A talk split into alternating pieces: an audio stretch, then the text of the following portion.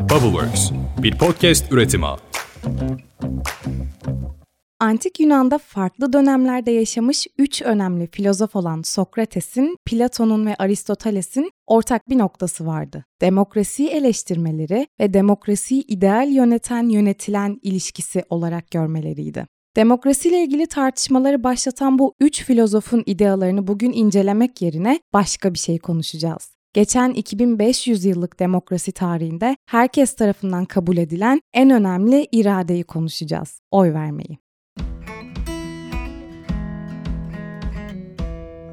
Herkese selam Ditopik Düşüncelere hoş geldiniz. Ben Dilara. Ülkemizde seçimlere 4 gün kalmışken bu hafta başka bir konu konuşmak içimden gelmedi doğrusu. Çünkü biliyorum sizin de son günlere girmişken aklınızdan bir türlü seçimler çıkmıyor. Hepimiz çok heyecanlıyız ve o sihirli cümleyi söyleyip duruyoruz. Bir seçimler geçsin de öyle bakarız. Dünya tarihinde iktidarlardaki siyasetçilerin büyük çoğunluğunun demokrasiyi kendi anladıkları şekilde uygulamaları ve siyasi çıkarları doğrultusunda onu şekillendirmeleri yönetilen de en büyük iradeyi yarattı diyebiliriz. Oy verme eylemini. Bu sayede yönetilenin en büyük ses çıkarma yolu ve halkın iradesinin en önemli kısmı oy vermek oldu. İşte bu sihirli cümlenin sandığımız kadar sihirli olup olmadığını görebilmemiz için elimizde bir anahtar var. İlk turda bitsin. İşte son günlere girmişken ve tam da bu heyecanın içindeyken daha önemli bir konu olamaz diye düşünüyorum. Oy vermek için kararsızsanız oy kullanmanın ne kadar önemli olduğunu bir de ben hatırlatmak istedim bu haftaki bölümümüzde. Oy vermek bu ülkede çok alışık olduğumuz ve 7'den 70'e her hanedeki insanın aşina olduğu bir siyasal katılım. Özellikle son seçimlerde çokça hararetle takip ettiğimiz bir durum. Öyle ki son seçimlerde Türkiye'de seçimlere katılım oranı %80'lerin üzerindeydi. Bu çok güzel bir katılım oranı ama ne yazık ki katılım oranıyla oy kullanım oranı aynı şeyler değil.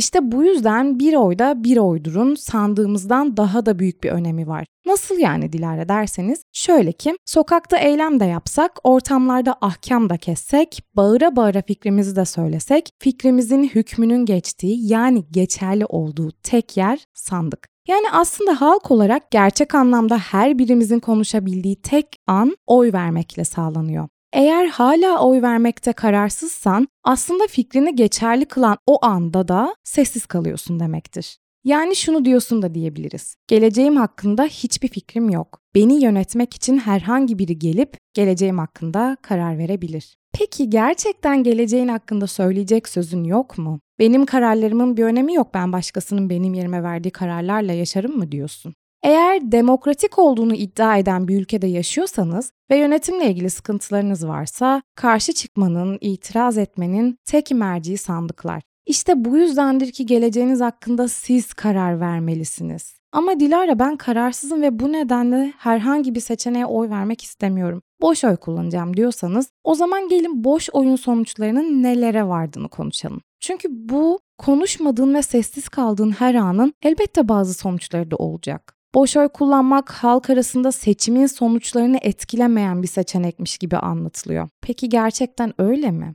Aslında durum bundan daha açık bir şekilde incelenmeli. Çünkü boş oyun desteklemekte kararsız kaldığım partilere etki etmeyeceği gibi fikirlerini hiç desteklemediğim partilere de bir o kadar desteği olduğunu unutmamanız gerekiyor. Geleceğinize sahip çıkmanın en güzel yolu sandıkta kötünün iyisi olduğuna bile inansanız bir seçeneği değerlendirmek ve boş oy kullanarak sana verilen bu demokratik hakkını gerçekten kullanmayı tercih etmiyor musun? Özellikle önümüzdeki bu seçimler bu konuda çok çok önemli. Çünkü boş oy kullanarak hem ülkemizin cumhurbaşkanı için söz sahibi olmayı reddetmiş oluyorsunuz hem de mecliste bizleri temsil edecek milletvekilleri hakkında fikir beyan etmiyorsunuz demek olacak. Bu da oldukça demokrasiden uzak bir gelecek karar diyebiliriz. Oy kullanmamayı bir karşı çıkış olarak, bir eylem olarak görüyorsanız sandıktan çıkacak sonuca da ortak oluyorsunuz demektir. Çünkü sizlere itiraz hakkınızdan dolayı sandık yolu açılmıştı ve siz itiraz etmeyi reddetmişsiniz demektir boş oy kullanarak. Peki diyelim ki oyumuzu verdik ve boş oyda kullanmadık. Fikrimiz ve gelecek inancımız da var. Ama bu sistem nasıl işleyecek? Çünkü biliyorsunuz sadece Cumhurbaşkanımızı seçmeyeceğiz. Aynı zamanda milletvekili seçimlerini de yapacağız. Türkiye'de milletvekili seçimlerinde uygulanan bir yöntem var. Bu dünyada da uygulanan bir yöntem çeşitli ülkelerde. DONT sisteminden bahsediyorum.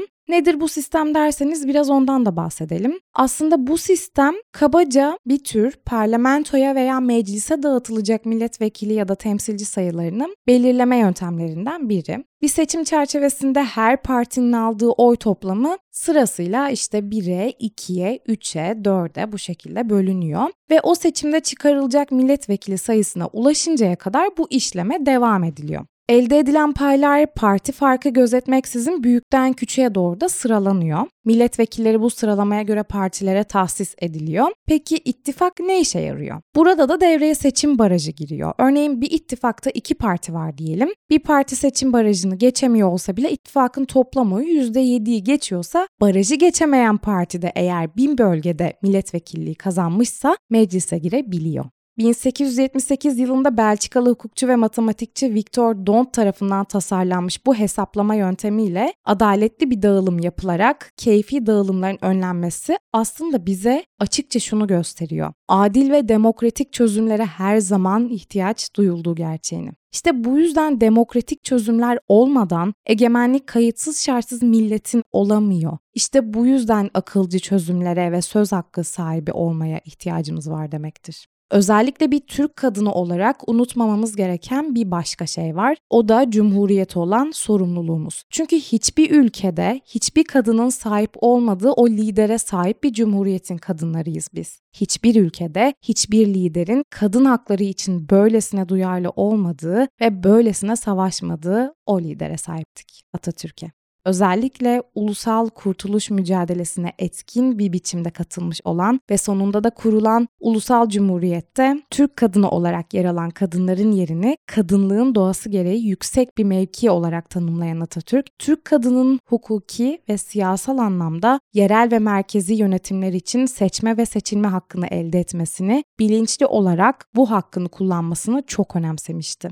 Mustafa Kemal Atatürk kadın haklarını batılılaşmanın ve çağdaşlaşmanın bir unsuru olarak algılamıştı ve bize en güzel mirası bırakmıştı. Türk kadınları olarak dünya ülkelerine herkesten önce örnek olup seçme ve seçilme hakkına sahip olmak. Öyle ki birçok Avrupa ülkesinden önce kadınlara seçme ve seçilme hakkı verilmesini sağladı. 1930 yılından itibaren önce belediye seçimlerine katılma, daha sonra köylerde muhtar olma ve ihtiyar meclislerine seçilme hakkı tanınan kadınların milletvekili seçme ve seçilme hakkı 5 Aralık 1934'te Anayasa ve Seçim Kanunu'nda yapılan yasa değişikliği ile tanındı. Anadolu kadını seçme ve seçilme hakkını İsviçre'den 36, Fransa'dan 11, Belçikalı hemcinslerindense 14 yıl önce elde etti. İşte bu kadar şanslıydık bir Türk kadını olarak. Böyle bir lidere sahip olduğumuz için. Ulu önderimiz Atatürk biz Türk kadınlarına böylelikle büyük bir sorumluluk bırakmış oldu. Cumhuriyeti ilelebet taşımak ve dünyaya herkesten önce örnek olarak seçme hakkımızı her koşulda kullanmak ve egemenliği hür bir gökyüzünde yaşatmak.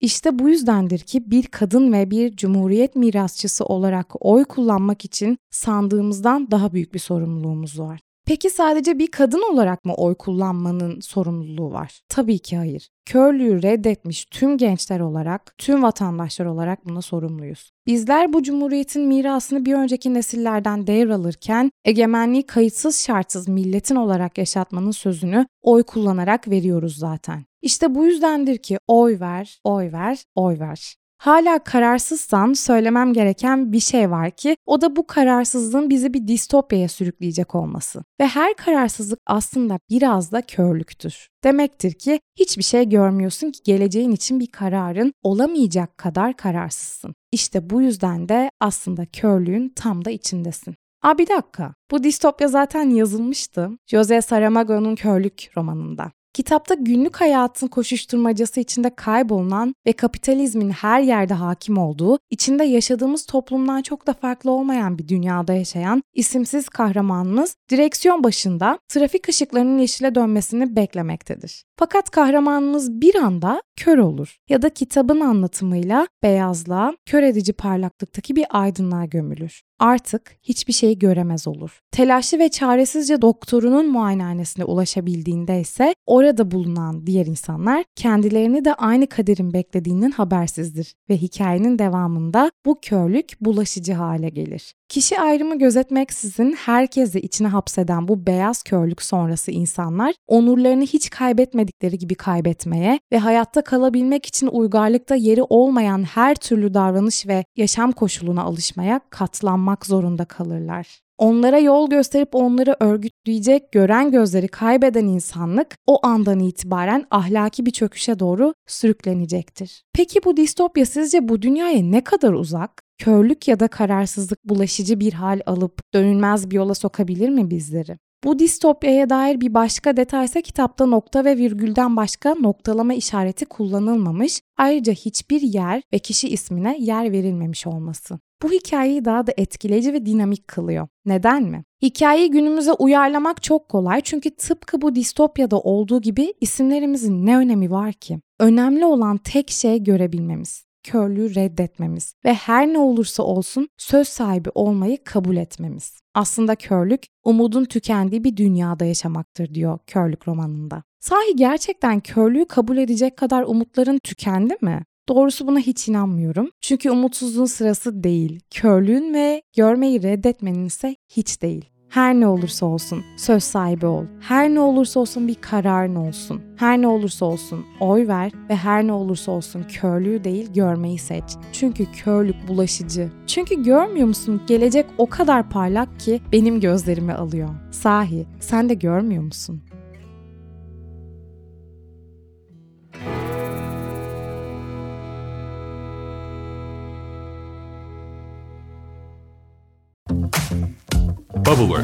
Bir podcast üretimi.